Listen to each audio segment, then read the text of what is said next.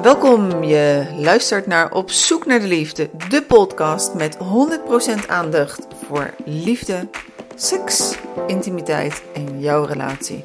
Vandaag aflevering 84. Mijn naam is Annette Burgers. Ik ben relatietherapeute bij YouTube Coaching en stiefcoach bij Stiefgoed Den Haag West. Vandaag serie 8, aflevering 9 van Geen Seks, Wat Nu? Waarin Jeannette Dijkstra, traumaseksuologe, haar zeer persoonlijke verhaal vertelt. Op 12-jarige leeftijd werd zij verkracht. En zij legt uit hoe het werkt om pas 30 jaar na haar verkrachting hierover te durven praten. Houd me vast, de APK voor jouw relatie. Als jouw relatie niet lekker loopt en je wilt samen met je partner twee dagen leren hoe je kunt verbinden in veiligheid, ook als je het niet met elkaar eens bent, kijk dan op www.youtubecoaching.nl bij aanbod. Je kunt kiezen voor een training in een kleine groep of een privé-training. En kijk op Vlam Magazine, het magazine over relaties, intimiteit en seksualiteit. Met elk kwartaal 100 pagina's over seks en relaties. En wil jij jouw partner verrassen met een leuke avond? Schrijf dan naar info@youtubecoaching.nl en maak kans op het spel Ultiem Verlangen van Tees en Please. Vergeet niet te vermelden waarom jij jouw partner wil verrassen. Wat leuk dat je luistert. Ik zit nu in het mooie Amsterdam en ik ben op zoek bij Jeannette Dijkstra in jouw eigen huis. Van harte welkom. Nou, hartstikke leuk, uh, Annette, dat je me hebt uitgenodigd. En uh, ja, ik, uh, ik ga het gesprek graag aan, want ik vind jouw onderwerp heel interessant. Zeker in combinatie met wat ik eigenlijk dagelijks doe in mijn praktijk. Nou, dat is een schot voor open doel. Wat doe jij dagelijks in je praktijk, Jeannette? Ik, uh, ik ben traumatherapeut, of uh, ja, zoals wij ons met de eerste groep afgestudeerden uh, noemen, traumaseksuoloog. En wij houden ons voornamelijk bezig met ja, de, de schade die je oploopt van seksueel misbruik in de kindertijd. En ook wat is er nodig voor herstel. Nou, dan gaan we proberen om, om daar wat meer over te weten te komen. Want de vraag is: geen seks, wat nu? Hè, dit is een podcast van Op zoek naar de liefde. Wat is jouw definitie van liefde? Um, ja, zoals ik dat. Uh, ik ben inmiddels 57. Hè. Nou ja, liefde, liefde kent heel veel kleuren. Hè. Dus, dus ja, een definitie daarvan vind ik heel lastig te geven, zo in één zin. Maar ik heb drie kinderen. Nou ja, die, die, liefde is, is onvoorwaardelijk en uh, die, gaat, uh, die gaat heel diep. Ik, ik weet nog dat toen ik mijn oudste zoon geboren was, dat ik echt een soort van in shock was. Hoeveel je van zo'n kind houdt. Er had niemand me eigenlijk op voorbereid. Van dit is dus liefde van een moeder voor een kind. Maar ik heb sinds twee jaar uh, nou ja, een, een, ook een hond. En ik hou zo ontzettend veel van dat beest. Dat ik daar ook, uh, ja, weet je, het is net zo groot als de liefde voor mijn kinderen. Alleen het is een andere kleur. Dus liefde heeft gewoon veel kleuren. En is er op dit moment in jouw leven een, uh, een, een, man, een partner aanwezig? Nee, ik heb op dit moment geen relatie. Ik heb wel uh, veel relaties gehad. Hè, en dan uh, zijn we direct bij de traumaseksualiteit aanbeland. Dus dat, dat waren in wezen waren, was dat nog een, een traumagestuurde. ja, hoe zal ik het zeggen? Het is bijna.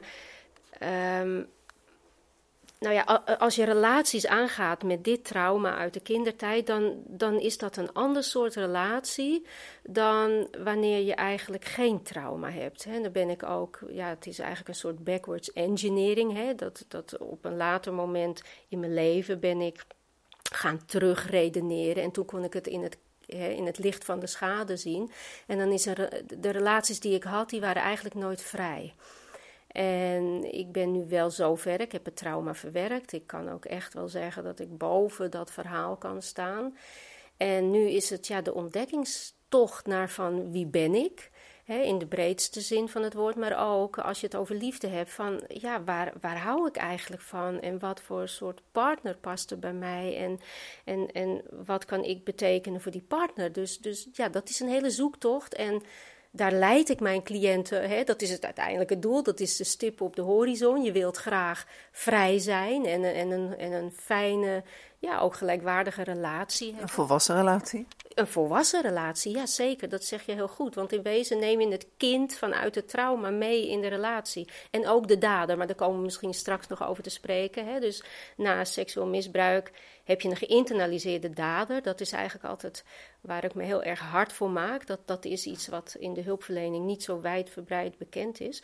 Maar die geïnternaliseerde dader die komt mee in de liefdesrelatie ook. Die, die heeft invloed op alle facetten in je leven, maar zeker ook in de liefdesrelatie. En daardoor is het ook wat ik zeg: je bent niet vrij. Je bent in wezen bezet. Door misbruik krijg je een soort van, ja, het klinkt heel raar, vaste verkering met de dader. En daardoor ben je niet volledig beschikbaar voor je partner. En, en je partner gaat dat ook merken. Kunnen we dan eerst even teruggaan naar jouw trauma? Kun je daar iets over vertellen? Ja, ja zeker. Ik uh, ben opgegroeid in een gezin als jongste meisje. Ik had vijf oudere broers en een toch wel vrij autoritaire vader. Ik kan wel zeggen dat in de bedding uh, heb ik een onveilige uh, jeugd ervaren. Um, en wat ik, waar ik echt uh, een goede herinnering aan heb, is. Uh, de, kijk, ik weet niet of er eerder dingen in het gezin uh, zijn gebeurd. Dat, dat is dan ook nu niet mijn focus. Maar wat ik wel heel zeker weet en wat ik me goed kan herinneren, is dat toen ik 12 jaar was, ging ik altijd met mijn ouders gingen we kamperen. En toen mocht ik dat jaar voor het eerst met vriendinnetjes in een tentje op een ander veld dan waar mijn ouders met de caravan stonden. Dus dat vond ik geweldig en dat was spannend en leuk. En eh, toen is er op klaarlichte dag is er een, uh, een jonge man uit het dorp, uh, is mijn tent binnengekomen. En ik weet niet waar die vriendinnetjes op dat moment waren, die, die waren er niet. Ik was daar alleen en hij heeft mij toen verkracht. En dat is een ervaring die bij mij ja, wel 30 jaar ondergronds is gegaan. Ik, uh, ik heb het tegen niemand verteld. Ik schaamde me. Ik voelde me ook heel schuldig. Dus eigenlijk is dat geheim geworden. En je raakt als slachtoffer dus ook ja, gevangen in dat hele systeem. Waarin de dader dus een onderdeel is. Hè. Dus die raakt met jou, je raakt met hem. In dit geval was het hij. Raak je gevangen in, in, in dat systeem. Dus dat was mijn, ook mijn eerste seksuele ervaring. En ik kon toen niet bevroeden hoe enorm veel invloed dat op de rest van mijn leven zou hebben, tot op de dag van vandaag. En dat maakt ook wat ik nu doe en wat ik geleerd heb. Ik ben wel degelijk ook geschoold natuurlijk hè, ik, uh, in, in, uh, als therapeut. Maar ik heb ook mijn eigen ervaring uh, als een heel zinvol in, ja, leerboek uh, gebruikt, zodat ik het trauma dus van buiten, hè, wat ik geleerd heb over trauma en over uh, psychotherapie, dat, maar ik heb ook het kennen trauma van binnenuit. Zo, ik, ik kan daar heel goed aansluiten bij mijn cliënten. Ik, ik begrijp ook waar ze doorheen gaan, waar ze tegenaan lopen. En het is ook heel fijn als je die uitgestoken hand hebt als therapeut van nou, kom maar, hè, ik ben er ook geweest vertrouw het maar. En dat is, vertrouwen is natuurlijk een heel lastig ding. Hè, als je dit eh, met dit trauma. Maar ik merk als ik dat inzet, ook in de begeleiding, dat het echt goed werkt. Dus ontzettend uh, verdiepend in het werk. Ja. Uh, het, het, lijkt me ongelooflijk wat je dan meemaakt op zo'n dag op de camping.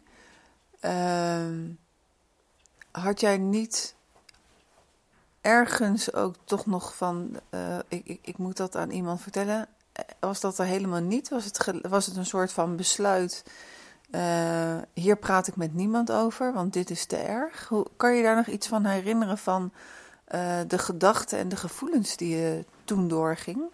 Ja, ja, dat kan ik me nog zeker goed herinneren, want het is, het, het is zo tegenstrijdig. Hè? Want eigenlijk, je raakt in een shocktoestand en je komt in een soort ja, dissociatieve toestand heeft. Dus je vertrekt eigenlijk uit je lijf en je bent een soort toeschouwer. En tegelijkertijd, ja, je neemt, dat kan ik me herinneren en dat hoor ik ook bij cliënten vaak terug. Je, neemt het als een spons, zuig je de details in je op. En ik kan me nog heel goed herinneren nadat hij weg was. Toen heb ik een toilettasje gepakt en, en, en mijn handdoek. En toen ben ik naar de douchegebouw uh, gelopen. En ik kan me die, die tocht, zeg maar, ik vind bijna een tocht, kan ik me nog echt herinneren dat ik hoorde alles als uit de verte. Ik hoorde spelende kinderstemmen, want het was midden op de dag. Het, het, was een beetje zonnig en ik liep daar door het gras en een soort gons in mijn oren en helemaal in shock. En ik ging toen douchen en ik had pijn, ik, ik verloor ook bloed en ik, ik had toen direct zoiets van: ja, het is mijn schuld. Ik, ik heb iets verkeerd gedaan en iedereen kan het aan me zien. Dus ik schaamde me ook dood. Ik wist niet precies wat me gebeurd was, maar ik wist wel dat het iets was uh, wat niet oké was. En, en ik heb, ben wel heel beschermd opgegroeid in, in het gezin. En dan tegelijkertijd is de, de contradictie dat, dat het dan juist ook kan gebeuren. Dus dat heb ik nooit zo goed begrepen. Maar dat is, dat is wel wat er aan de hand was. Ik ben dus een soort van overbeschermd geweest. En toch, of juist, gebeurde mij dat. Ja, ja. Maar goed, het, het besluit was dus, hè, om even nog terug naar je vraag. Het besluit was dus van, nou, ik, ik schaam me dood en het is mijn schuld. Ik ga dit tegen niemand zeggen. En ik wilde het zo snel mogelijk vergeten. En dat is op zich heel goed gelukt om het te vergeten, maar het haalt je in. En het is uh, jaren later dat ik er dus eigenlijk tegenaan liep van... aha, dus alle schade en alle problemen waar ik in mijn leven tegenaan was gelopen... en dan ook de zoektocht naar liefde, om dan terug te komen op het thema van de podcast... dat, dat was een bijna onmogelijke zoektocht. Ik, ik verlangde wel en ik wist ongeveer wel iets hoe het zou moeten zijn... maar ik kon het nooit vinden. En achteraf blijkt, omdat ik zelf niet meer in staat was mij te verbinden. En omdat de imprint van het trauma zodanig uh, schade aanricht op alle levensgebieden, dat ik, dat, ik, dat ik überhaupt helemaal niet wist wie ik was, uh, wat ik wilde. Ik, ik hield me terug, ik schaamde me. En dat wordt een soort ja, van tweede natuur. En, en je denkt ook, zo ben ik. Maar zo ben ik helemaal niet, kom ik nu hè, achter. Nooit te oud om te leren en nooit te, oud om jezelf te leren kennen. Uh, welke problemen ben jij? Want je zegt, ik heb wel meerdere relaties gehad. Daar zit dan een patroon in, hè, naar aanleiding van, uh, van, van dit trauma. Welke problemen ben jij tegengekomen? Nou, ik vind het mooi dat je zegt van er zitten patronen in, want precies dat uh, is waardoor ik begon te denken van wat is er toch aan de hand? Kijk, ik voelde altijd wel van er is wat met mij en ik heb een hele zoektocht in, in, in, de, in de hulp achter de rug, maar geen therapeut of, of hulpverlener heeft ooit gevraagd: heb jij wel eens seksueel misbruik meegemaakt? Dan is het ook nog maar de vraag of ik dat uh, had geantwoord met ja op dat moment. Maar in ieder geval had die vraag wel kunnen helpen om, om het eerder boven tafel te krijgen.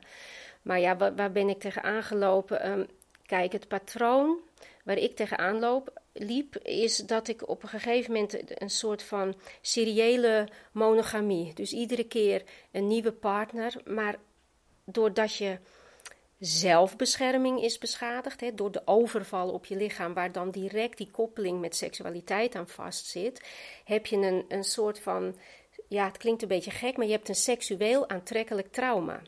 En ik heb het altijd gezien, uiteindelijk achteraf, van als een soort helende beweging van het leven zelf, ga je het trauma opzoeken. en, en het zijn twee kanten van dezelfde medaille. Of je hebt helemaal nooit meer seks en je gaat geen relatie meer aan en je gaat alles wat daarmee te maken eh, heeft uit de weg. dat is één kant. De andere kant van diezelfde medaille is dat je die seksualiteit en het trauma, dus in de seksualiteit het trauma uit gaat leven. Dus wat, wat ik zocht iedere keer uh, een partner en, en, en seksualiteit en intimiteit worden hetzelfde.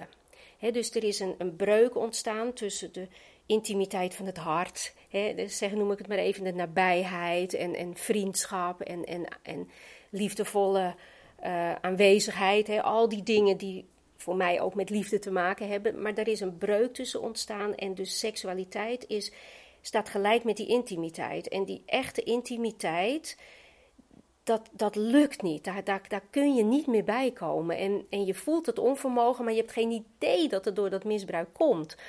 En, en het is altijd de vraag wie, wie ben ik dan en, en, en wat, wat wil ik dan? Dus die seksualiteit, daarin zocht ik de intimiteit.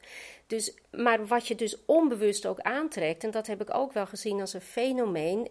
En, nogmaals, even een disclaimer: dat hoeft niet voor iedereen zo te zijn. Dus als de luisteraars denken, ja, maar bij mij is het heel anders. Dat kan, natuurlijk, dat kan. Dus ik, ik, ik vertel uit wat ik vaak zie en wat ik zelf heb meegemaakt. Maar het is voor iedereen vaak weer net even anders. Dus dat is, laat dat gezegd zijn. Maar ik, ik zocht dus in die, in die intimiteit of die seksualiteit, daar zocht ik uh, iedere keer was het de helende beweging van het leven zelf. Je krijgt de scène van het misbruik krijg je terug, maar niet de macht. Dus dat is, dat is de pijnlijkheid. En ik begon dat patroon te herkennen, want dat wou ik nog zeggen, daar, daar was ik blijven steken. Je kunt uh, dus als met dit trauma vind je vaak een partner met een gelijkwaardig trauma. Je herkent elkaar kennelijk ergens op een dieper niveau, onbewust. En in het begin klikt dat zo lekker. Maar later zorgt dat voor problemen. En vooral als het ook iemand is met een seksueel misbruiktrauma, maar bijvoorbeeld ook verwaarlozing of pest, uh, pesten, mishandeling, dan zie je dat mensen ook die daden geïnternaliseerd hebben. Nou, dus wat je krijgt is eigenlijk, je hebt je bent bezet en je partner is ook bezet. Dus je hebt twee mensen en twee daders. Nou, ga daar maar eens een keer een, een iets, een goede relatie, gelijkwaardige relatie van maken. Dat is onmogelijk. En, en, en, wat ik vaak ook. Nou, is niet onmogelijk, je moet daar hulp bij hebben, laat ik het zo zeggen. Hè. Maar voor mij was het op dat moment zonder hulp en zonder inzicht in de schade, was het onmogelijk. Het lukte mij dus niet. Dus keer op keer had ik eigenlijk ja, die partners die mij weer dezelfde ervaring van het misbruik gaven. Ook al zag het er dan soms heel anders uit. En ook, kan je daar een voorbeeld van geven? Uh, nou, wat, wat het eigenlijk altijd was, was dat partners uh, onbeschikbaar waren. En dan in de breedste zin van het woord. Of uh, partners waren verslaafd, of ze waren gewelddadig, of waren al getrouwd. Of hadden ook, net als ik, enorme ja, uh, relatieangst of, of verwarde seksualiteit met intimiteit. Dus dan was er wel heel veel seks. En soms was dat ook best wel hartstikke fijn. En, en de ontmoetingen waren soms ook, ook mooi. Het waren niet alleen gewelddadige partners, die waren er ook. Hè, maar er waren ook mooie ontmoetingen, natuurlijk. Maar het resultaat was altijd hetzelfde. Ik bleef alleen achter in, in, in eenzaamheid en, en niet in staat me te verbinden met een partner die dat ook niet was. Dus ja, dat, toen ik dat patroon begon te herkennen, dat was eigenlijk uh, ja, de sleutel naar de oplossing. En dan is het nog een hele tour om, om goede hulp te vinden op dat vlak. Want het seksuele stuk van het trauma blijft, in, wat mij betreft, in hulpverleningsland heel vaak onderbelicht en wordt niet goed aangepakt. Dus, dus je blijft altijd met dat seksuele stuk worstelen, waardoor je wel een heel eind komt, maar net niet Helemaal. En uh, jij, jij zegt dan van, uh, er zaten ook gewelddadige uh, partners bij. Ehm, en een beleving van het trauma. Um, kan je daar heel concreet over zijn? Van wat, wat deden die mannen dan en hoe, hoe herbeleefde jij dan het trauma en hoe kwam het dan dat jij in die relatie bleef? Heb je ook een patroon van uh, dat je dan achtergelaten wordt of dat jij uh, snel een relatie verbreekt? Het zijn, het, zijn geloof ik wel drie vragen. We gaan eerst terug naar die eerste. Van uh, als, als, als er dan geweld bij kwam, ehm, hoe ging je daar dan mee om? Nou, toen ik jonger was, heb ik dat wel uh, een aantal keren meegemaakt daar bleef ik te lang. Want dan hoopte, hoopte, ik dan altijd nog. En, en, en soms was er ook wel liefde hoor, even goed. Hè? Net wat ik zeg, het, nou ja, dat klinkt een beetje raar misschien voor iemand die zo dat hoort. Maar goed, uiteindelijk ben ik altijd wel degene geweest die, die opstapte. En naarmate ik ouder werd, uh, voelde ik die grenzen wel duidelijk aan hoor. Dus, dus dat, daar heb ik me wel in kunnen ontwikkelen. En dan stapte ik wel uit die relatie. En dan, maar dan de volgende relatie diende zich alweer aan. En dan was het weer hetzelfde verhaal. En niet altijd gewelddadig. Hè? Het, is een heel breed scala van um, onbeschikbaarheid. En, en als ik een ik heb ook wel ik heb ook wel hele fijne eh, partners ben ik tegengekomen. Of, of vriendschappen of, of, mannen waar ik dan wel verliefd op werd. En, en, en, maar dat, dat moest dan kapot.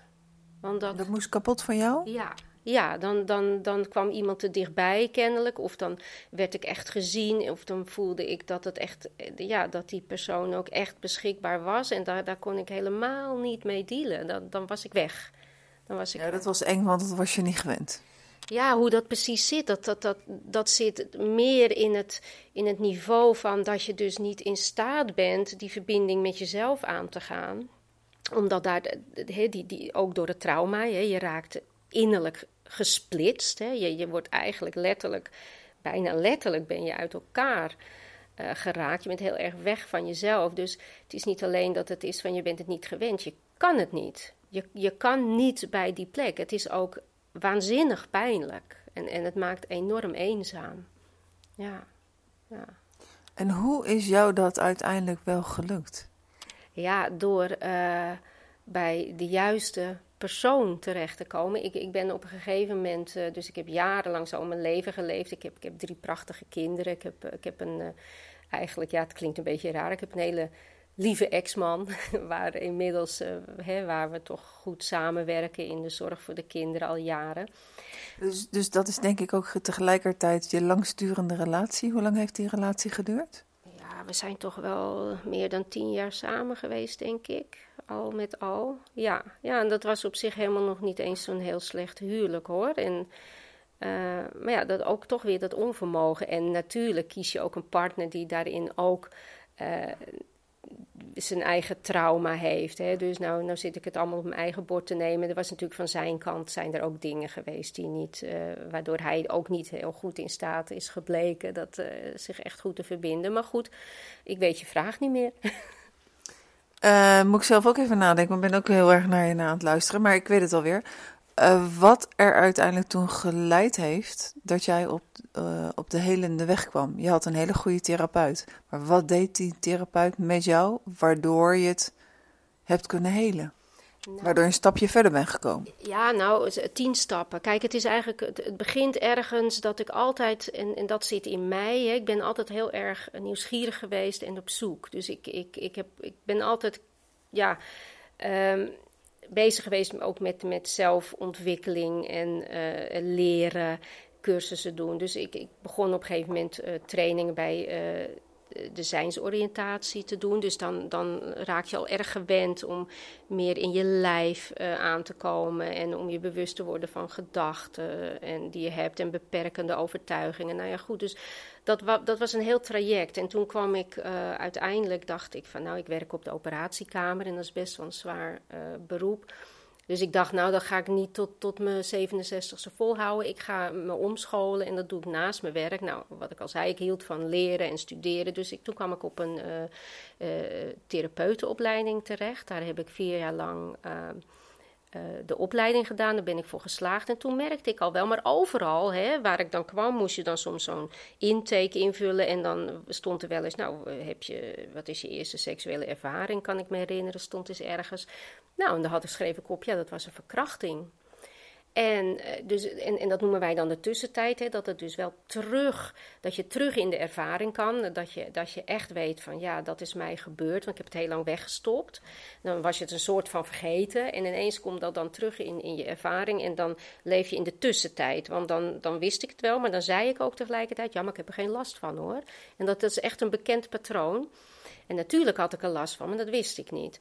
Maar goed, dan schreef ik dat op zo'n intakeformulier. En dan was er ook de, therapeuten van de opleiding, maar ook van de, van de trainingen die ik deed. Niemand die deed daar iets mee of die wist wat je daarmee moest doen. Dus het bleef altijd maar liggen.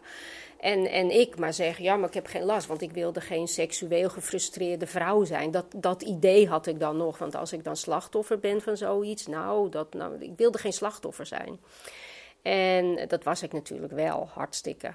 Maar goed, uh, dus toen heb ik die opleiding afgerond en toen kregen we daar in, in nog een, een, een, dag over seksualiteit. Dat was eigenlijk veel te weinig, vond ik ook. En toen had onze docent daar, die had een training gedaan bij Pieter John Schouten.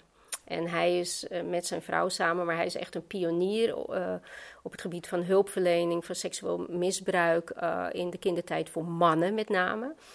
En uh, zijn vrouw Loes Stolker, die heeft ook ooit vroeger bij de, bij de FIOM had ze uh, vrouwengroepen voor zwanger na incest. Dus die mensen die, die hebben uh, het Instituut voor Psychodrama en daar leiden ze dus therapeuten op. En hij had op dat moment ook een opleiding hulp naar seksueel misbruik. En ik was een van de eerste die zeg maar, de hele opleiding heeft afgerond bij hem. Maar daar, nou, ik, ik ging zijn boek lezen. En uh, Traumaseksualiteit heet dat boek. En ik las dat en voor het eerst in mijn leven dacht ik, maar dit gaat over mij. Alles. En het ging dan over mannen, maar dat maakt niet uit. Hè. We zijn als mens, is ons interne systeem uh, in wezen hetzelfde. En toen las ik dat boek en dacht, nou, dit, dit, hier moet ik wat mee. Dus toen uh, heb ik gebeld en ook gezegd van, nou, ik... Voordat we verder gaan, ja. kan je nog herinneren wat, wat je dan las, wat dan over jou ging? Nou ja, het hele boek. Ik kan moeilijk nu het hele boek gaan uitleggen, maar het gaat over de, met name ook over de schade. En, en, en hoe je dus na zo'n uh, overval op je lijf en die dan gekoppeld is aan seksualiteit, hoe, hoe die schade er dan uitziet en, en de gevolgen van de schade. Dus hoe dat dus in je leven vorm geeft. Hè. Dus wat ik zei, het uitleven van dat trauma, nou daar had hij ook een woord voor, de actief slachtofferschap. Nou, ik, hoe dat dan werkt en wat je daarin doet en wat je ervaart, ja, dat, dat herkende ik allemaal. En bijvoorbeeld de schade doordat je te vroeg geconfronteerd wordt met die seksualiteit. Nou, die, die, die, die schade is, is uh, veel koppig, kan ik wel zeggen. En ik had al die aspecten, had ik bijvoorbeeld dat je uh, je eigen seksuele ontwikkeling stopt. Dus de, de, normale ontwikkeling die je als kind, van baby tot, tot jongvolwassene doormaakt, om je eigen seksualiteit en je, en je identiteit daarmee ook te ontwikkelen, die, die staat stil. Dus hoe hij dat beschreef en wat hij daarover zei, dat, ja, dat herkende ik allemaal. En hoe je ook bijvoorbeeld. Um, de, de, de, de, macht verliest in de seksualiteit. En, en hoe je zelfbescherming beschadigd is, zodat je eigenlijk geen nee kan zeggen. Maar dat je ook dat, dat bijvoorbeeld, wat ik ook heel erg herkende, is dat. in het misbruik heb je dus de omkering. en dan een van de hele, hele bekende omkeringen is dat veilig wordt onveilig dus dat, dat heeft er waarschijnlijk ook, waar we het net over hadden, met die partner die mij dan echt zag en dan veilig wordt, voelt als onveilig. Dus je hebt die omkering. Dus ik bevond me ook heel vaak in situaties, gevaarlijke situaties eigenlijk, waarvan ik nu denk van mijn god, hoe heb ik dat ooit kunnen doen? Maar dat voelde ik helemaal niet. Ik, dat, dat was voor mij ja, ook een beetje grenzeloos. Want je, nou niet een beetje, maar je, je voelt je grenzen niet. Je, je, kent ze niet, je, bent, je woont niet in je lijf je, bent altijd uh, of in je hoofd. Nou, ik ook een heel snel verstand, dus dat heeft dan geholpen om heel erg in mijn hoofd te leven, niet meer te voelen. En als het spannend of gevaarlijk werd, dan, dan vertrok ik, dan was ik weg. Dus ik ben er ook heel vaak maar een beetje half geweest. Dus een half leven geleefd. Nou ja, kijk, dat, dat hele boek was een herkenning. En toen heb ik hem gebeld en uh, nou, toen kon ik terecht in de opleiding. Ik heb alle modules gevolgd en Gisteren heb ik, uh, ben ik weer in een module gegaan. Want uh, voor de mensen die dat hele traject hadden doorlopen, heeft hij nog weer een verdiepende module. Want nou, hij is ook al bijna 70, maar hij kan ook niet stoppen. En uh, daar ben ik heel blij mee. Dat is, ik denk, ja, die trein die rijdt nog, ik spring erop. Wat ik, want ik, ik kan van deze mensen nog zoveel leren. En ja, het, het, is. Dus daar was het thuiskomen. En um, daar werd het trauma echt gezien voor wat het was. En in het leren eh, werken met cliënten, wat ik toen al deed, hè, ik had mijn eigen praktijk al, maar heb ik mezelf daar ook weer. Je gaat natuurlijk zelf ervarend leren. Dus je kunt niet anders dan ook je eigen proces volgen daarin. En ik kan me echt herinneren, en dat is ook nu mijn stokpaardje geworden, van die dader moet uit je interne systeem. En nou, ik heb geleerd te werken daar met psychodrama, hè, dan echt specifiek alleen voor, hè, met, met dit trauma.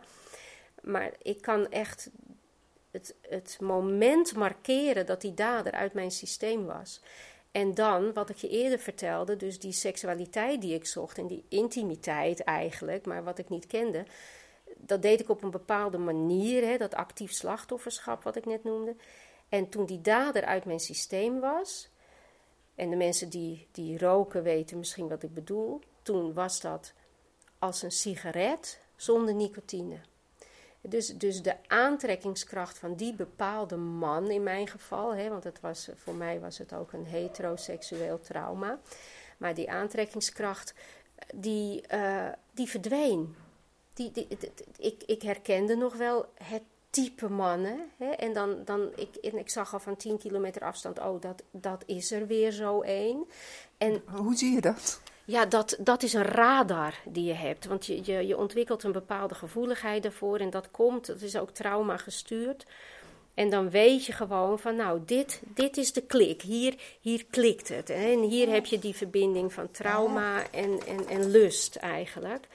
Maar uh, ja, dat, dat werkte niet meer. Die, uh, de hond uh, is in beeld, ook oh, gaat ze zitten. Helemaal maar, prima. Maar dat, dat, dat werkte niet meer.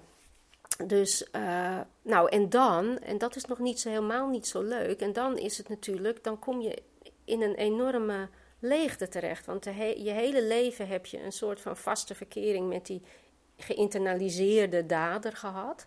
En dan is die eruit. En dan? Ja, dan heb je ook een soort van rouw, de ja. verwerking. Ja, absoluut. Het is rouw geweest en ook rouw om een soort van verloren deel in, in het leven en een heel leven zo trauma gestuurd. En, en, en dat is uh, ook waar mijn zingeving nu vandaan komt. Hè, om betekenis te geven aan dat wat ik heb meegemaakt en de kennis en de ervaring die ik heb. En ik voel nog een haakje van wat ik net nog wilde zeggen toen jij vroeg van ja, met die partners, hè, hoe, hoe kies je ze dan of hoe ziet dat er dan uit, die, die gewelddadige relaties of wat. Um, dan moet ik nog iets vertellen over als, als je dus dat, uh, die connectie met de dader krijgt. Hè, dus dus van, vanaf dat eerste seksuele moment in het misbruik krijg je, hè, wat ik al herhaaldelijk zeg, krijg je een soort vaste verkering. En daarmee uh, worden er in no time verbindingen met de dader gesmeed. Nou, je, hebt de dader als veroorzaker van de shock, hè, want je raakt in shock. Dus, dus die, die verbinding zit daar in de shock. Dan komt direct erop de seksualiteit. Dus je krijgt de seksuele imprint van de dader.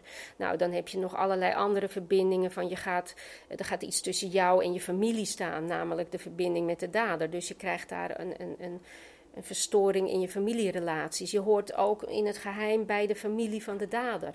De dader als rolmodel. En dan heb je ook nog houden van en loyaliteit. Wat het soms heel lastig maakt om, om, om uh, die dader eruit te zetten. Dus dan moet je eerst nog naar die. Hè, dat zag je bijvoorbeeld in, in die film over uh, Michael Jackson. Dat zelfs die, die, die slachtoffers, die jongens, nog tot, tot in de recht zaal eigenlijk de loyaliteit naar Michael Jackson hadden. Hè? Dus dat is, dat, dat is een hele ingewikkelde. En je krijgt ook op een onbewust niveau, en, en dat is soms lastig uit te leggen, maar je krijgt het probleem van de dader, krijg je er gratis bij. Dus wat je dan eigenlijk ziet, en dat is soms een hele puzzel, hè, van hoe, hoe, hoe, doen mensen dat dan en wat voor probleem krijg je? Want dat, dat, dat is voor iedere situatie weer anders. Hè. Daarom is hulp begeleiding op maat zo belangrijk. Hè? Want het, dit past niet in een protocol. En, en uh, eh, EMDR is overigens dat mensen denken dat dat dan de oplossing is voor zo'n trauma, wat op alle levensgebieden schade berokkent. Dat kun je natuurlijk met EMDR nooit op, oplossen, was het maar zo. Maar in ieder geval, dat, dat probleem van de dader was in mijn geval, hoe ik dat heb geïnternaliseerd, is eigenlijk van ja, ja je bent als vrouw altijd beschikbaar. Uh, je, je bent eigenlijk wat ik heb gevoeld, is je bent. Uh, te gebruiken voor de seks. En daarna word je opzij gezet. Hij, toen hij klaar was, ging hij gewoon weg. Ik heb hem nooit meer gezien en dat, dat was het. Dus nou, een, een, een volwassen man die een meisje van 12 uh, eh, als vrouw? Want dat, dat maakt ook nog uit. Was hij op zoek naar een meisje? Of was, uh, was er een man die een, een, een jongetje penetreert? Uh, op zoek naar een meisje of naar een jongetje. Dus dat zijn seksuele pinnen waar je op vastgezet wordt. Nou, in mijn geval was deze man, hè, dat, dat was mijn pin, daar werd ik op vastgezet. Die was op zoek naar een vrouw.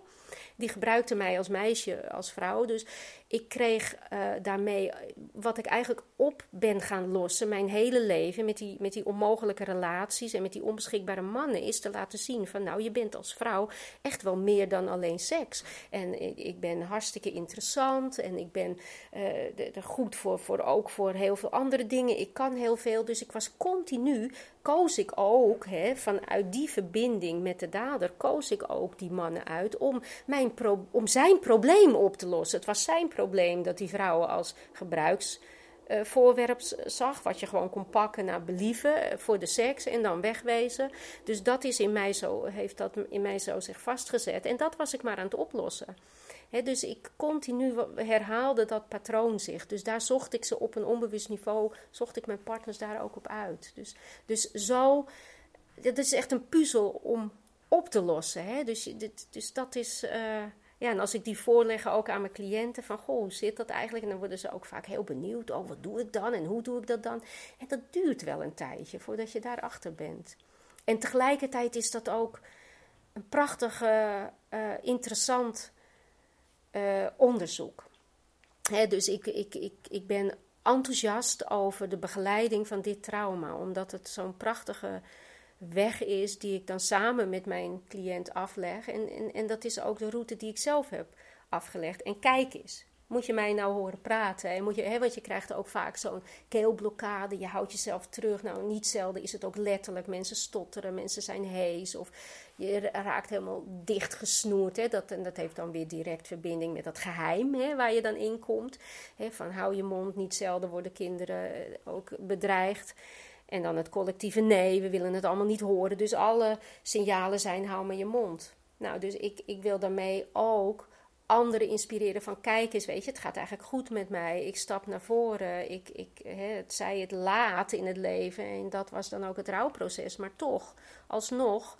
En ik ben ook op zoek naar de liefde, naar mijn liefde. Hè, wat, en het is dan wel een beetje lullig dat je dan een soort van gaat puberen. Uh, in de overgang, hè, dat dat dan een beetje zo samenvalt.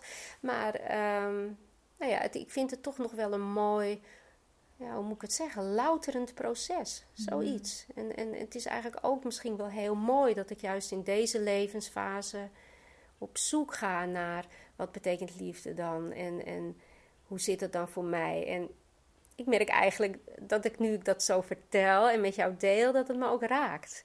Van, uh, ja, dat ik het toch nog meemaak. Hè? Na, na zo'n traumagestuurd leven, zo afgescheiden van mezelf en afgescheiden van de wereld, van de mensen, van, van mijn talenten, van mijn, van mijn passie, dat dat nu eigenlijk allemaal als een soort fontein uh, vrijkomt. Dat is prachtig en dat wil ik, en daarom ben ik ook altijd als er jonge mensen in mijn praktijk komen, dan ben ik altijd helemaal blij. En dan zie je, zie je ze allemaal kijken en denken van, nou, wat is dat nou, die vrouwen? Ben je blij dat ik kom en het is toch allemaal vreselijk? En dat is het ook. Het is ook vreselijk. Het is een, het is een duivels trauma. Maar als je al zo jong bent en je komt bij mij, je weet daar de weg te vinden, nou, dan komt het echt goed.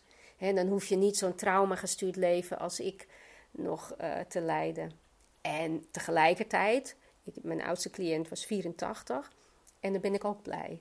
Want dan weet ik ook, alles wat die persoon nog oplost, dat maakt de weg vrij voor zijn of haar kinderen en kleinkinderen. dus het heeft altijd zin. Dat is een heel mooi bruggetje wat je, wat je vertelt. Dus een, wat, wat heeft het oplossen van jou voor betekenis voor jouw kinderen? Ja, ik, ik en dat is een beetje uh, een, een, een, een uitspraak die ik ooit eens ergens heb gehoord, is van um, de stenen die jij op je pad opruimt, daar struikelen jouw kinderen niet over. Dus ik hoop uh, met heel mijn hart dat al het werk wat ik verzet heb en wat ik nog verzet, dat dat het voor mijn kinderen makkelijker maakt. In ieder geval hebben ze nu een moeder die meer aanwezig is en die meer tot haar recht komt in algemene zin. Ik, ik heb ook nog een hele mooie carrière stap gemaakt. Ik uh, ben uh, aangesteld als vertrouwenspersoon ongewenste omgangsvormen en, integriteit in het Amsterdam UMC. Nou, dat is een hartstikke uitdagende, uh, super interessante, mooie functie. Dus nou, dat had ik vroeger nooit gedurfd. Hè? En nu dacht ik, ja, weet ja dit, dit, dit is echt wat voor mij. En eh, ik vind het, uh, nou, het bevalt ook heel goed. Dus voor mijn kinderen hoop ik dat ik daarmee ook laat zien van, ja, meer dat ze toch nog iets meekrijgen van wie ik echt ben. En ik ben ook meer aanwezig. Ik, nou ja, het zorgen voor, voor, voor drie kinderen is, is al een hele tour. En dan ook nog als je zo met dat trauma bezig moet zijn zonder dat je het ook weet. Dus ja, ik heb daar dingen in de opvoeding heus laten liggen. En op het moment dat dat in, in zijn volle omvang tot je doordringt, dan is dat ook, hè, waar we het net eerder over hadden, ook een rouwproces. En dat je ook echt moet gaan accepteren van ja, dit is het geweest en ik heb dingen niet goed gedaan. En ook met name de, de scheiding met, eh, hè, met, met de vader van die jongste twee, dat was, dat was een heel naar, uh, pijnlijk proces waarin ja, een, soort van, ja, wat we nu noemen dan een vechtscheiding, dat is het echt wel geweest. En godzijdank hebben we het contact kunnen herstellen. En, en is, gaat het nu al jaren goed en hebben de kinderen ook dat meegekregen, dat het ook zo kan. Maar die periode, ja, daar, daar heb ik echt, als ik daarop terugkijk, daar heb ik echt spijt van. Daar heb ik de kinderen echt mee tekort gedaan. En, en daar zijn ze toch het slachtoffer geworden van, ja, van onze onmacht. Hè, om het goed te doen. Dus maar goed, ik denk dat ook mensen zonder trauma in, een, in zo'n scheiding komen, dat, dat kunnen beamen. Dus dat is misschien niet helemaal gerelateerd aan het trauma, maar voor een groot deel, voor mij althans wel. Kan jij je nog herinneren dat jij het de allereerste keer aan iemand vertelde? Wie was dat en, en, hoe, en hoe ging dat? Ja, dat kan ik me herinneren. En dat was aan mijn uh, ex-man. De, dan is de, vader, van, je oudste nee, de vader van mijn jongste twee kinderen, uh, die inmiddels ook al uh, uh, 20 en 16 zijn. Maar ehm, ik kan me dus wel herinneren dat ik, eh, weet ik nog heel goed, dat mijn middelste zoon die kwam uit de douche en ik zat op de bank en het was ja zo'n soort lange gang hadden we, zo vanuit de badkamer naar de kamer en hij liep daar zo met zo'n handdoekje om, natte haartjes. En hij liep zo de huiskamer in. En in ene, in ene zag ik mezelf lopen. Als meisje. En ik realiseerde me toen hoe jong ik was. En dat ik nog een kind was. En in ene kwam die hele ervaring gewoon bam. Als een, als een soort ja, als een soort vloedgolf of zo, of als een donderslag. Ik weet niet, ik weet wel dat ik ook die shock nog echt voelde. In ieder geval dan als een mokerslag. Als een mokerslag, dat, ja. Het was altijd wel een soort van sluimerend aan de achtergrond en ergens op een, in een waas was het. In een soort waas, ik wist het wel, maar ik wist het ook weer niet. En ik ging daar nooit naartoe, ik had het heel diep weggestopt. En, en ik zag mijn eigen kind zo lopen en ineens zag ik mezelf. En toen, toen heb ik het uh, ook aan mijn, mijn man verteld, mijn toenmalige man. En wat misschien ook de trigger was, heb ik me later gerealiseerd. Ik was toen met twee vriendinnetjes hè, in die tent, wat ik jou vertelde. En we waren toen verhuisd naar een plaats, een andere woonplaats. En in die woonplaats, daar woonde een van die vriendinnetjes van toen. En ik had wel contact met haar ook, want we waren toen goede vriendinnen. En ik vond het leuk om haar weer te zien. En er was nog steeds wel een klik. En wat ik toen ook heb gedaan, toen ben ik met haar gaan wandelen. Heb ik een afspraak gemaakt om te wandelen. En toen heb ik het haar ook verteld. Van weet je, toen in die vakantie, wat er toen is gebeurd. En ik had ook de vraag, hebben jullie niks gemerkt? En, en ik vertelde ook wie het was, want ik weet ook nog precies wie het was. Ik, kan hem nog zo voor me zien, ik weet zijn naam ook. Hij reed op een motor. En ik kan me ook wel herinneren dat ik hem wel eens eerder had gezien. En ik vond dat ook wel interessant, zo'n motor. En het was wel een stoere, stoere bink, zeg maar. Dat, dat kan ik me nog wel goed herinneren. Maar ik, ik heb haar toen ook verteld, nou, hij, hij was het. Weet je dat nog? En, en, en haar reactie vond ik toen heel erg fijn, kan ik me herinneren. Want je bent toch nog een soort van bang ergens in je achterhoofd van... ja, maar stel dat ze me niet geloven of dat ze het niet meer weten of dat ze zeggen nee, het was anders. dat, dat is dan toch altijd nog een soort angst. Maar zij reageerde heel fijn van dat, ze, dat ze echt zegt: Oh, wat, wat vreselijk uh, dat dat gebeurd is. En ja, wat erg dat, dat ik er niet was. Dat wij het niet gemerkt hebben en dat we je niet hebben kunnen troosten. Of, en nou, dat was eigenlijk alsof er alsnog die troost toegevoegd werd hè, aan de ervaring. En, en, en dat is wat je dus moet doen in de verwerking. En, en daarom zeg ik altijd: de eerste stap is praat erover. Doe dat met, eh, met een hulpverlener die, die dat aan kan. Want dat is ook nog wel een ding. Je krijgt een soort radar. En als je al voelt dat de ander het niet aan kan, nou dan oké, dan, ga je, dan ben je alweer weg. Dus maar praat erover, vertel het aan, neem iemand in vertrouwen. En dat is de eerste stap. Want dan, wat ik net zei, hè, dat je dus in dat systeem gevangen raakt met die dader. Hij of zij, de dader en jij, weet wat er gebeurd is. Alleen jullie weten dat. En dat, dat draagt ook bij aan de, ja, aan, aan, de, aan de gevangenschap, zeg maar. Dus op het moment dat jij gaat praten, en daar kun je dus al die keelblokkade in tegenkomen, de angst, de shock. Je kunt al die dingen, het geheim, de schaamte, dat kom, je er allemaal in tegen. Maar door het te gaan vertellen, breek je dat, die gevangenis open. Je, je begint te morren, hè, je begint gaten te maken waar, waar, waar je door naar buiten kan gaan kijken. En dat is een hele belangrijke eerste stap. Dus die, die heb ik pas heel veel later na de gebeurtenis gemaakt. Jeannette, uh, je weet zijn naam. Heb jij nooit de behoefte gevoeld of de boosheid gevoeld of uh, iets van ik ga hem opzoeken en ik ga toch eventjes vertellen wat dit nou met mij gedaan heeft in mijn hele leven? Ja, ik, ik heb er wel eens aan gedacht. En uh, ik maak dat in mijn praktijk ook veel mee. Hè, dat, dat, eh, dat, dat cliënten dat wel of niet doen of daarmee bezig zijn geweest. Een van mijn collega's, die ook ervaringsdeskundige is, die is uh, ooit naar de paters gegaan. Hè, en naar de, de, de pater die hem misbruikt had als jongetje.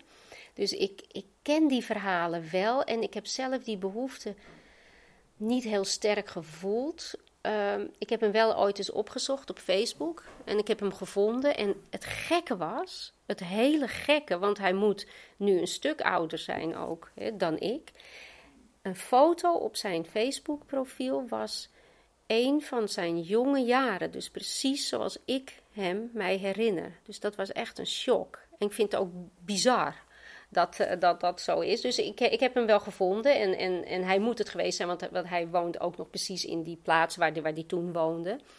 Maar nee, ik, ik, heb die, maar ik heb die confrontatie op een uh, op innerlijk ben ik dat aangegaan. Hè? En ik heb, die, ik heb hem echt uit mijn systeem gezet. En daar kwam ook wel heel veel boosheid bij.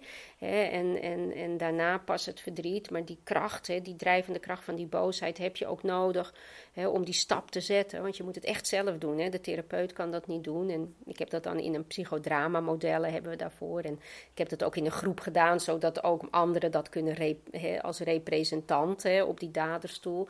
Dus kan je daar iets over vertellen, heel concreet? Uh, ja, nou ja, kijk, het, um, het basis-schademodel is dat je, nou dat zetten wij dan in psychodrama met stoelen, zetten we dat in de ruimte. Vandaar dat hier heel veel stoelen staan. Ja, dat klopt, ja. ja en, je, en, en ook een barkruk, hè, hoog en kleine stoeltjes, laag. Hè, want dat is ook in de middenpositie kom je nooit terecht. Je gaat er altijd of erboven of eronder. Dat is weer een heel ander verhaal, maar het, het is vijf kwartier in een uur, hè, wil ik. Ik wil er zoveel over kwijt. Er is ook zoveel over te delen. Nee, goed. Dus um, de innerlijke structuur die ontstaat in het misbruik, dat is dat je raakt gesplitst, hè, wat ik al zei. Dus die, dat kind wat je dan bent, die raakt gesplitst in een bevroren kind. Daar zit het nee. En daar zit ook de walging en de angst en het verdriet, de eenzaamheid, de pijn. Alles wat, wat je wel voelt, maar wat er niet uit mag. Want je wordt dus overweldigd door een, een volwassene. Je wordt het antwoord op een seksuele behoefte. Dus die walging en al die dingen, nou, dat, de, walging die eigenlijk zorgt dat je bepaalde grenzen niet overgaat. dus, en dat je geen seks hebt met je familie, want dat veroorzaakt walging. Nou, dat moet allemaal, dat raakt bevroren. Dus dat, dat zit in dat nee, in het bevroren kind. Dat andere kinddeel is het authentieke kind. Daarin zit het ja. Dus dat dat deel dat gaat de wereld nog wel in en dat gaat onderzoeken. Maar ja, die is grenzeloos. Want die heeft wel een ja, maar het is nooit een echt ja als je geen nee hebt. Hè. Dus die splitsing ontstaat. Nou, die splitsing is extreem pijnlijk. Uh, en daar komt verslaving vaak om de hoek kijken hè, in het volwassen leven. Nou, daar, direct daarvoor hè, zit de dader. Als een geïnternaliseerde entiteit in het innerlijke systeem, dus de bezetter. En die bezet eigenlijk, en dat valt dan weer samen met die driehoek van Erikson. Ik weet niet of je die kent, hè? wantrouwen, vertrouwen, zelfvertrouwen. Dat is de normale ontwikkeling van een kind. Nou, het wantrouwen wordt het bevroren nee, het vertrouwen wordt het grenzeloze ja. En dan op de plek van de zelfvertrouwen, daar komt de dader intern. Dus daar, daar raak je gestagneerd. Daar kun je de normale gezonde ontwikkeling niet meer volgen. Direct daarvoor, want je groeit op, hè, je gaat toch in het gunstigste geval lukt je dat. Nou, daarom vind ik overlevers van dit trauma, vind ik, die pak ik niet met zijde handschoentjes aan. Want dat zijn zijn oersterke mensen die, die, die zeer creatief een overleving hebben gevonden. Een overlevingsmodus om toch nog iets van hun leven te maken. Hoe moeizaam en hoe pijnlijk soms ook en hoe beschadigd ook. En toch zijn het sterke overlevers. Dus even een shout-out voor, voor alle overlevers van dit trauma. Maar goed, daar ontstaat een aanpasser. En die aanpasser die steekt altijd over naar de ander. Hè? Dus dat, dat ontstaat ook in het misbruik en, en in de onveiligheid die je in je latere leven iedere keer tegenkomt. Je ontwikkelt een radar. Het is bijna een soort heldervoelendheid, heb ik wel eens gemerkt. Maar je, je, je gaat altijd checken naar de overkant. Je verlaat jezelf. Uh, dissociatie is daar ook wat natuurlijk vaak gebeurt. En, maar je steekt over naar de ander, altijd bij de behoeften van de ander. Nou, dat is dodelijk vermoeiend, want je bent de aanpasser. Je moet altijd maar aanpassen. Nou, uh, dan kun je in het psychodrama-model kun je dan ook nog de externe getuigen toevoegen. Nou, dat ben ik vaak in de rol van begeleider. Dat was mijn opleider hè, en, en de groepsgenoten. Dat worden allemaal externe getuigen. Het worden ook de mensen die, die jij het vertelt, worden externe. Dus het is belangrijk dat die goed reageren, want anders dan word je weer opnieuw getraumatiseerd. dus een hulpverlener die zegt, nou we gaan EMDR doen, doe het plaatje. Nee, je hoeft het niet te vertellen. Doe maar het plaatje alleen. In wezen is dat een hertraumatisering, want je, je zegt opnieuw, eh, zeg maar niks. Hou het maar zo en, en ik hoef het niet te weten. dus dat, dat is schadelijk, dat is echt schadelijk.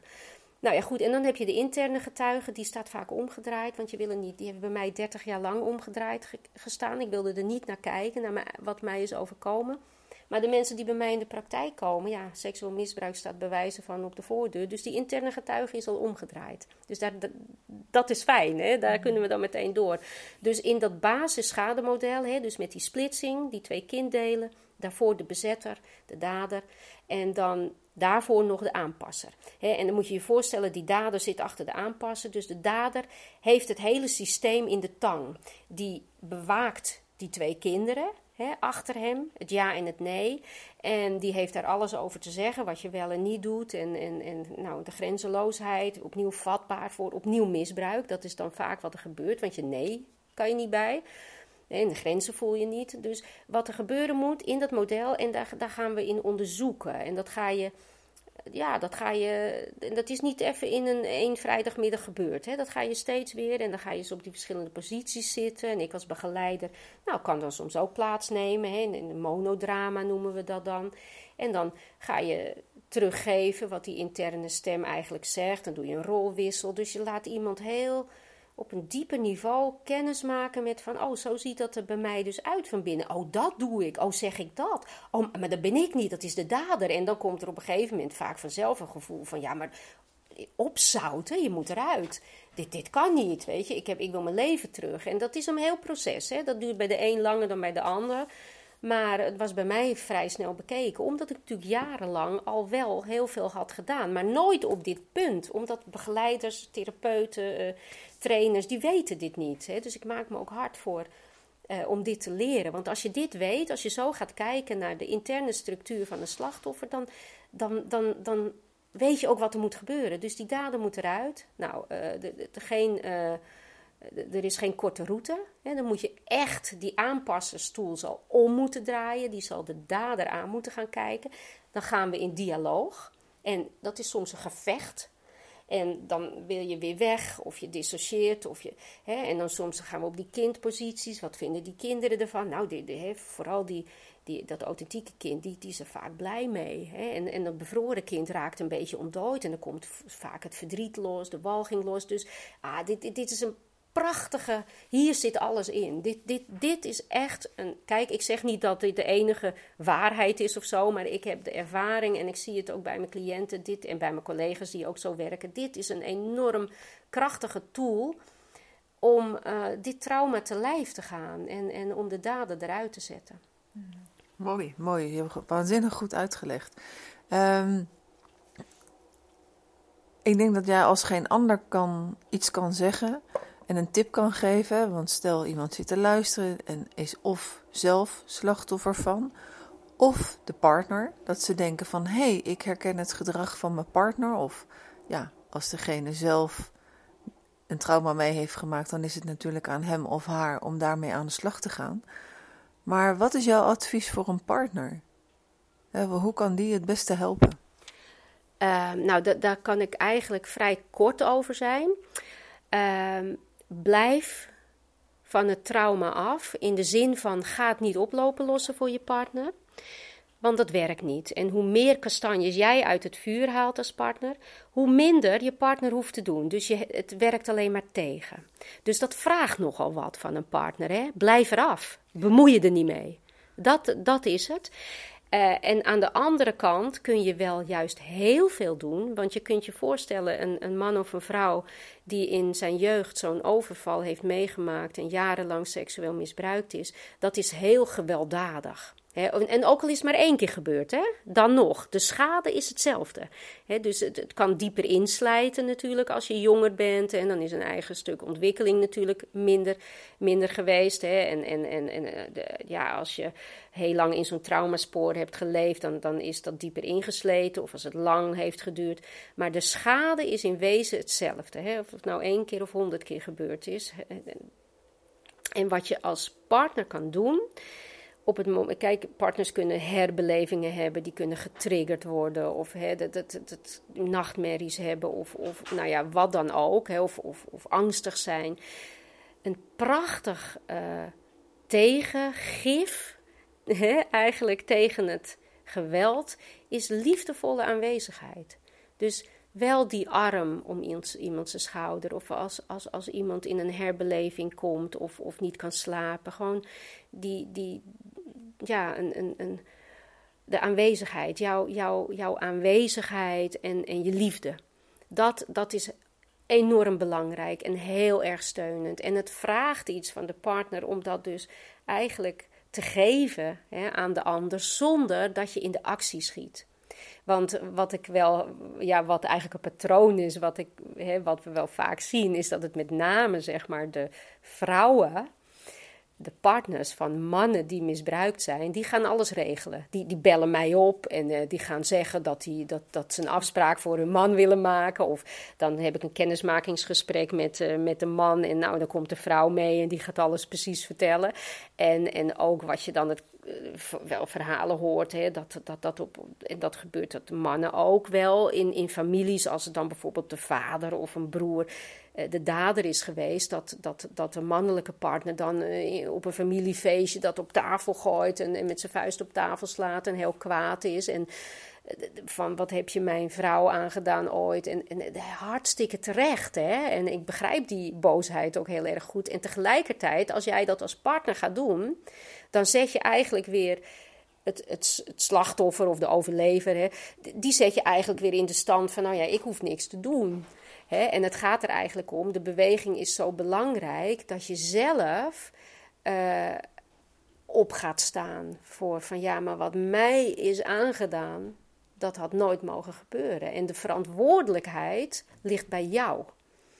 dus, en en, en wat, wat bijvoorbeeld ook over voor ouders, wat ik dan, dan hebben we het even niet over partners, maar ouders zijn natuurlijk ook altijd een belangrijke, uh, hebben een belangrijke rol daar. En uh, en dat is wel iets waar mensen mij vaak mij niet in dank afnemen. En dan denk ik ook wel eens dat ze het niet zo goed begrijpen. En met name hulpverleners worden dan wel eens boos op mij. Kijk, ik ben niet op zoek naar de schuldigen. Maar het is heel belangrijk voor een kind, hè, en ook al is dat kind al een volwassene, maar voor het kind in de volwassene, dat de verantwoording wordt neergelegd waar die hoort. Natuurlijk is de eerste verantwoordelijke en de schuldige, want het is een zedendelict, is de dader. Dus die verantwoordelijkheid en die schuld en de schaamte voor wat, wat er is gebeurd, die hoort bij de dader. Dus dat, dat moet daar terug. Maar in de slipstream daarvan is uh, er ook een verantwoordelijkheid voor ouders. En ouders zijn niet, ja, behalve als ze dan dader zijn, maar als de ouders geen dader zijn, dan zijn ze niet schuldig. En daar ben ik ook nooit naar op zoek. Want ouders zijn ook ouders en die houden ook van hun kind, als het goed is. En, en het kind houdt van de ouders. Maar uh, da, uh, ouders zijn wel verantwoordelijk. En het is enorm helend als een ouder kan zeggen: Wij hadden jou moeten beschermen. En daar hebben we in gefaald. Want dit is wat jou dus toch kon gebeuren, ondanks dat wij jou hadden willen beschermen. En dat dat spijt ons. En dat had nooit mogen gebeuren. En wij waren verantwoordelijk dat jij niet seksueel misbruikt uh, had, had kunnen worden. Dat is onze verantwoordelijkheid als ouder. Dat is onze taak. En daar hebben we. Kijk, en zonder dat je dan. Want het is voor ouders. Ouders hebben vaak ook hulp nodig, hè? Natuurlijk. Want het is voor ouders ook heel pijnlijk en kwetsend. Maar het moet wel van het kind afgehaald. Dus ook, ook de hulp die de ouders krijgen, dat moet losstaan van het kind. En het kind moet dat helemaal uh, kunnen voelen van ja, weet je, dat is de taak van mijn ouders. En het kind mag, moet daar niet voor gaan zorgen. Hè, want dat is ook wat je vaak ziet. Parentificatie is natuurlijk ook heel vaak een onderdeel wat onder, onder het misbruik ligt. Waardoor het misbruik ook heeft kunnen gebeuren. Omdat de bedding al niet oké was. Maar of niet oké, niet veilig was, laat ik het zo zeggen.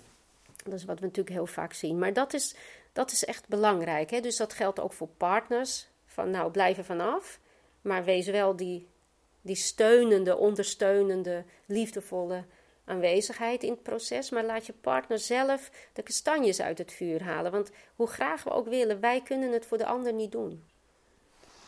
Heb jij uh, dat gesprek met je ouders gehad? Nee, want mijn ouders, toen ik ermee aan de slag ging, waren ze al overleden. Wat ik wel gedaan heb, en dat kan ik me nog heel goed herinneren, en dat was, ik heb eh, ook alle trainingen van Hanna Kuppen gevolgd. Liefdesbang, want ja, door seksueel misbruik word je ook liefdesbang.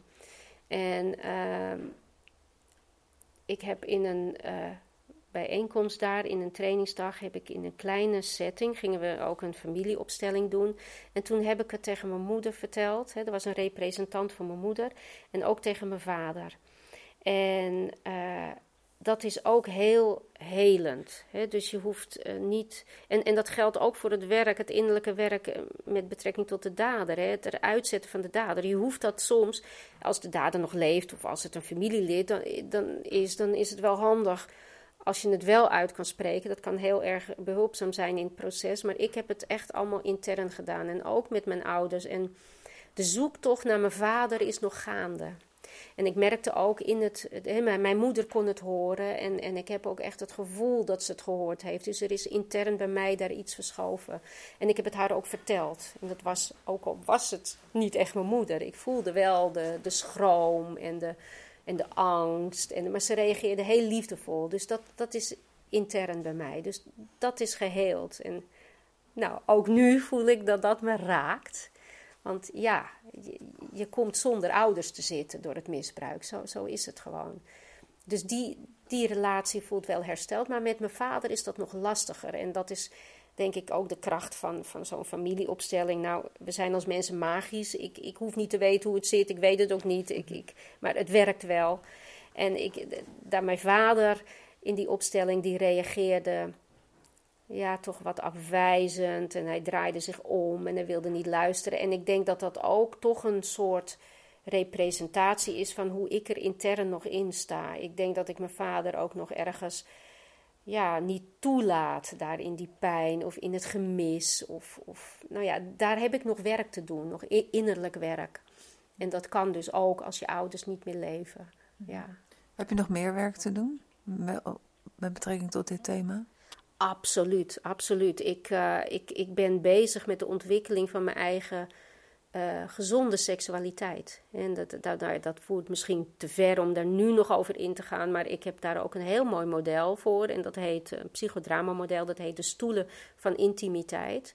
En waarin je dus eigenlijk onderzoekt hoe, hoe je dus eerst van intimiteit, hè, wat ik dus niet ken in combinatie met seksualiteit, maar dat voordat je dus in de seksualiteit belandt, dat je dus, ja, is eigenlijk heel het ouderwetse praat je misschien wel, maar zoals het misschien ooit vroeger ging. Dat je dus eerst een hele tijd verkering hebt, elkaar leert kennen, uh, elkaar als mens uh, leert kennen, dat je vrienden wordt. En dat je dan begint te voelen, oh, maar in mijn geval van heteroseksualiteit, van oh, maar dat is een man. En uh, oh, wat, wat lacht hij uh, mooi. Of, of, of wat, wat loopt hij uh, stoer. Whatever, wat het dan ook maar is. Maar het begint dus iets te komen dat je ziet van hé, hey, het, het, is een man. En als het goed is, aan de andere kant wordt er dan gezien, oh, Jeanette is een vrouw. Hè? En, en, dat, en dat je daar dus eigenlijk die over die, die oplopende trap hè, van intimiteit naar sensualiteit en dan de stap naar uh, seksualiteit. En dat is dus de normale gang van zaken. En wat ik gewend ben, hè, dan moet je je voorstellen als dat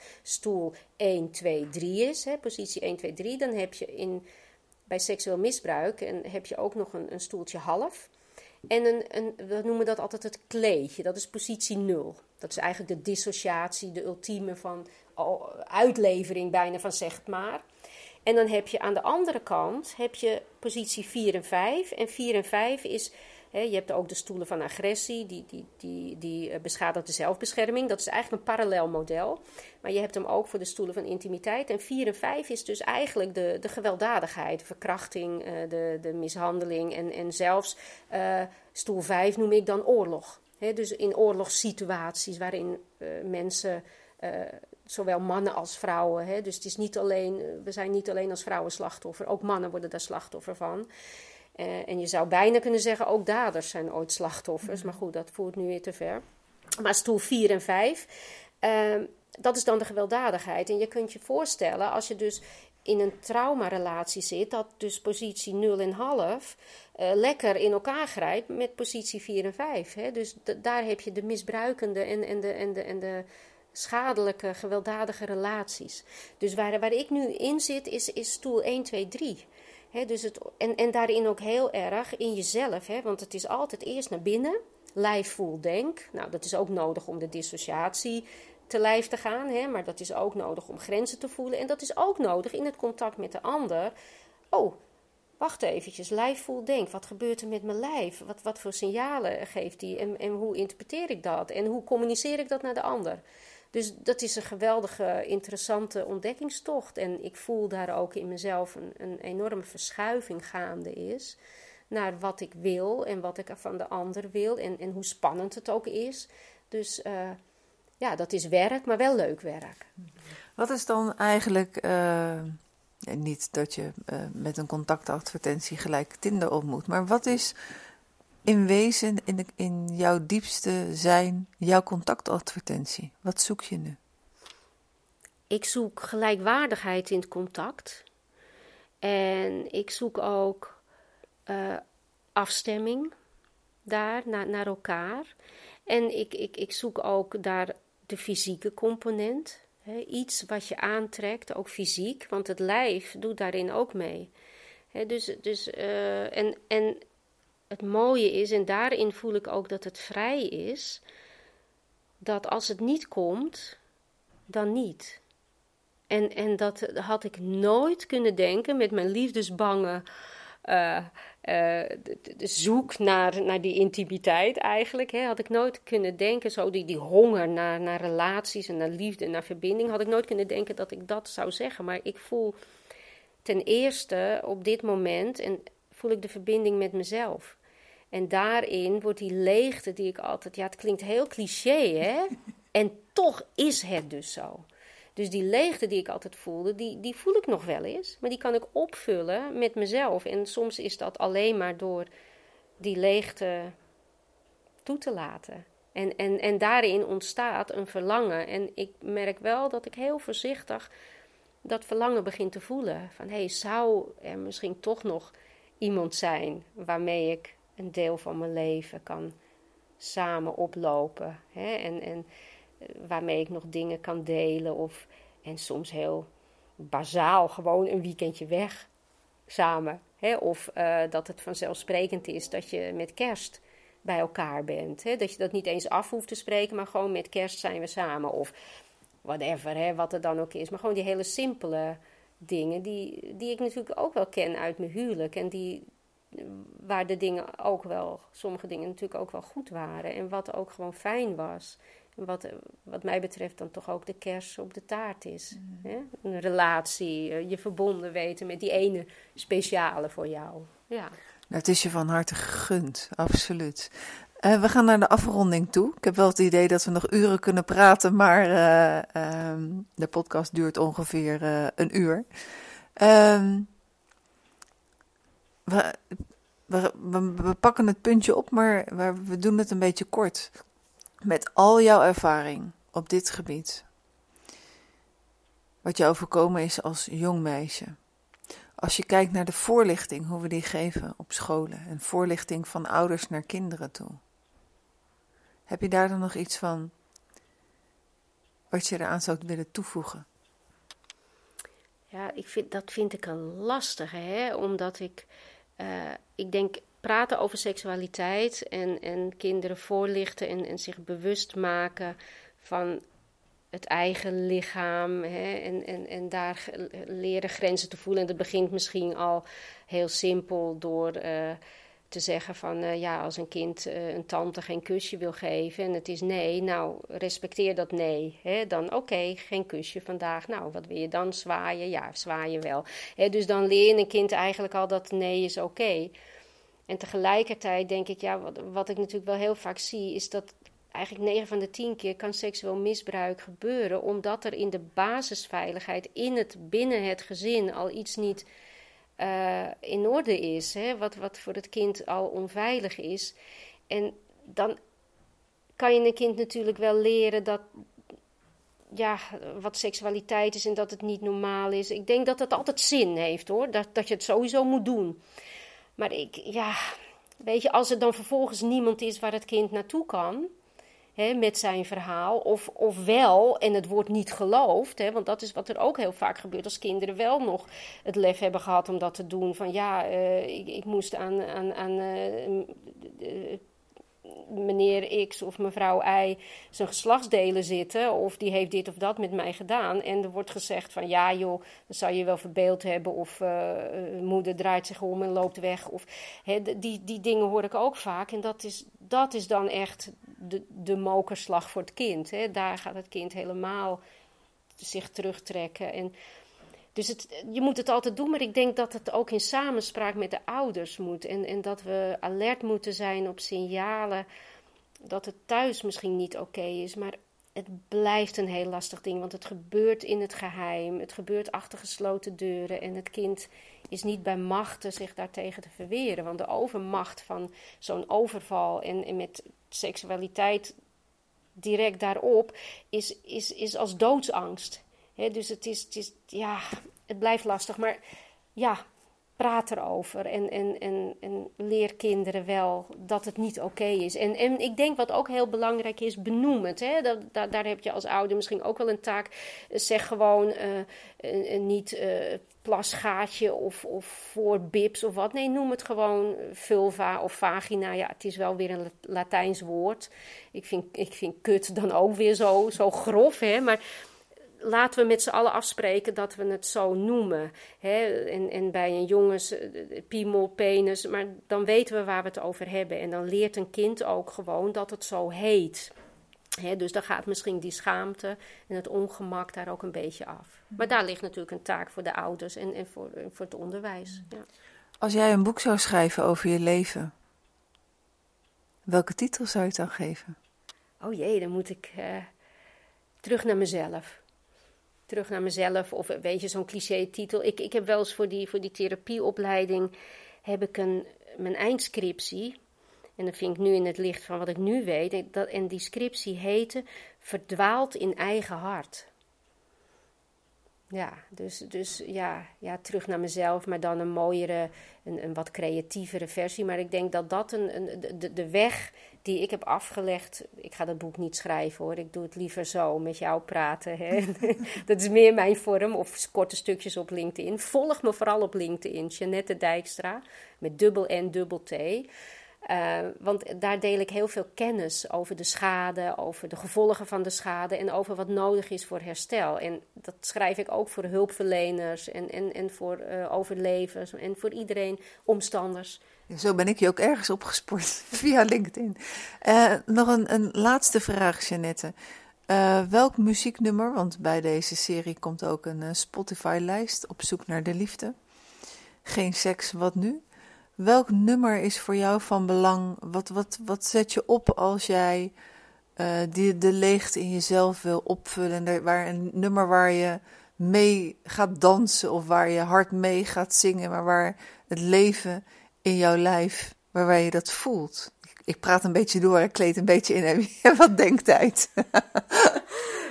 ja, jeetje. Nee, daar had ik wel inderdaad over na willen denken. Ik, ik, uh, ik, ik vind muziek is heel belangrijk. En, um, en ik zou haar zo graag willen noemen, want ik vind haar fantastisch. Ze heet Lieke, maar ik kom even niet op haar achternaam.